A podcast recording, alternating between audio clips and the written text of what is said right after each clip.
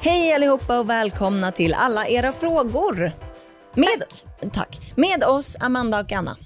Yes, och dagens fråga lyder, och det är just det jag ska säga att det här var då på internationella abortdagen för någon månad sedan som en lyssnare skrev det här. Viktig dag. Fy fan. Jag är lärare och stöter på min mentorselev på stan med ett stort anti-abortplakat. Jag vände ryggen till och typ sprang därifrån. Nu funderar jag på hur jag ska vända henne under dessa tre åren. Hjälp. Hjälp, verkligen. Um, internet har ju alltid svar på allt. Ja, det stämmer. Så här står det där. Varje ägg i mammas mage kan bli en individ. Så varje gång hon har mens så begår hon en abort. Och någon annan? Sköning. Tänk vilka skatteintäkter och vilka förmågor på alla områden som inte finns bara på grund av kvinnors bekvämlighet. För bekvämlighet handlar det till stor del om. Får kvinnor stöd och uppmuntran till att istället föda sina barn finns det ingen som ångrar sig. Medan det är väldigt vanligt att ångra en abort. Ja, visst, visst. Um, en tredje skriver så här. Jag hade spiral och utmattningsdepression och fattade ingenting förrän i vecka 15. Slarvade jag? Skriver hon då och det är angående att ta ansvar och använda preventivmedel. Vårt svar. Gissa vart vi står. eh, det, det var inte fråga, vad tycker ni om abort? Men ändå. Hur gör man? Ja, jag skulle säga först och främst att jag tycker att det är bra att träffa folk som är utanför ens filterbubbla. Mm. Ehm, och eh, ja, som sagt, vi tycker att abortlagstiftningen är bra som den är nu. Ja, den får Eh, gärna och vara ännu generösare Och att den inte ska ändras Mm. eh, till det mer snäva alltså.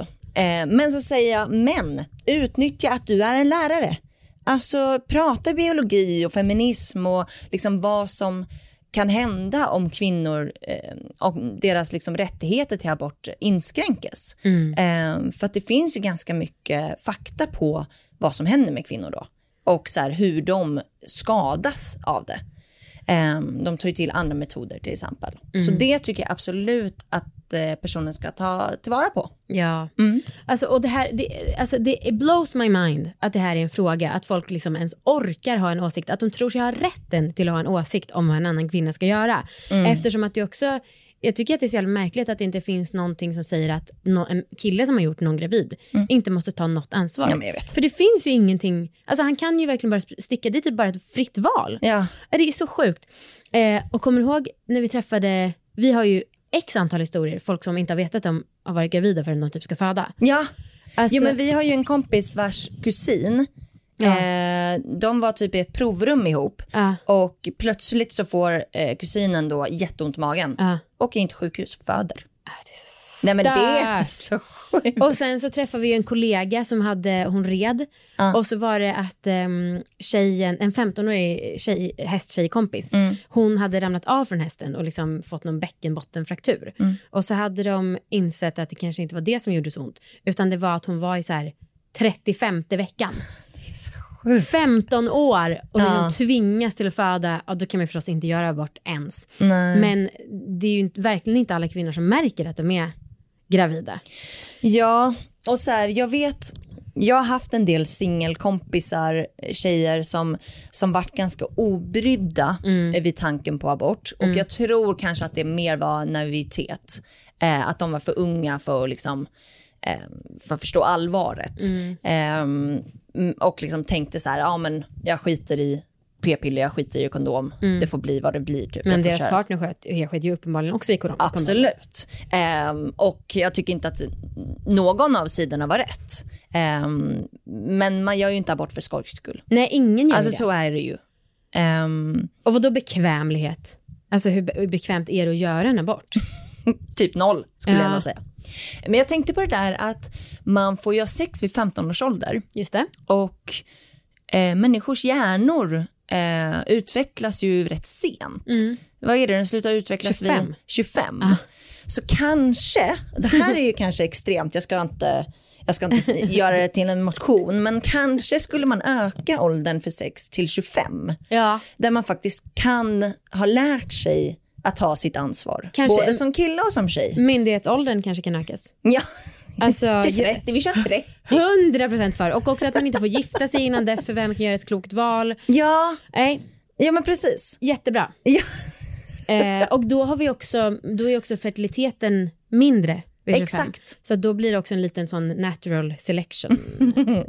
Tror jag att jag... Ja. Eh, Jag tycker det, är- det är svårt att prata om det här för jag tycker att det är så självklart att, eh, alltså, att det inte ska vara en lägre gräns.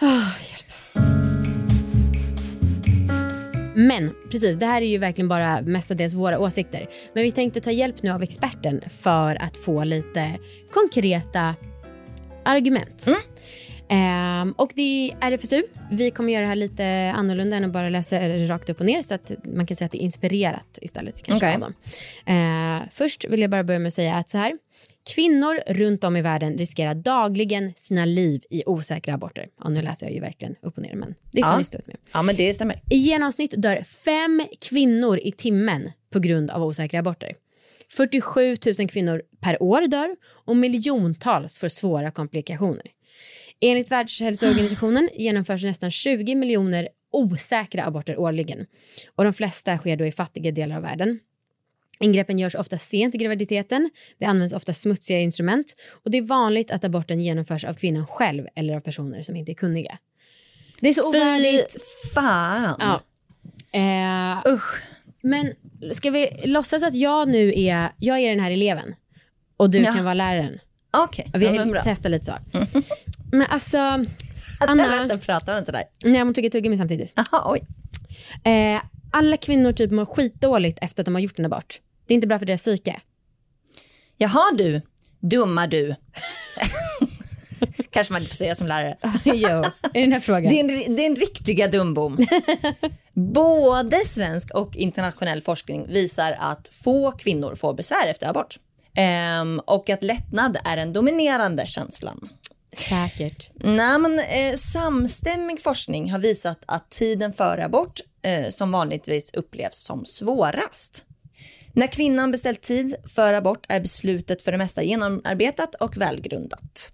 Många upplever känslor som lättnad och befrielse. Aborten sågs som en nödvändighet och ett ansvarstagande och upplevs som en lösning på den krisartade situation som den ofrivilliga graviditeten utlöst. Så att eh, nej, det, det stämmer inte att eh, majoriteten av kvinnorna mår psykiskt dåligt efter en abort. Nej, men vet du att det är assvårt att få barn om man har gjort en abort sen, om man vill ha det i framtiden. Det låter jättekorkat.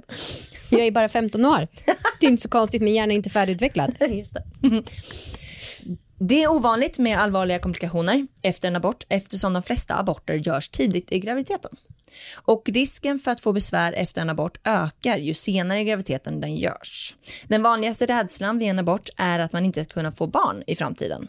Och risken för detta är mycket liten, mindre än en på tusen, oavsett om man gör en kirurgisk eller medicinsk abort. Aha. Jaha, Och nu den här läraren kanske inte behöver ha samma... Alltså du kändes inte riktigt som att du mötte mig på min nivå.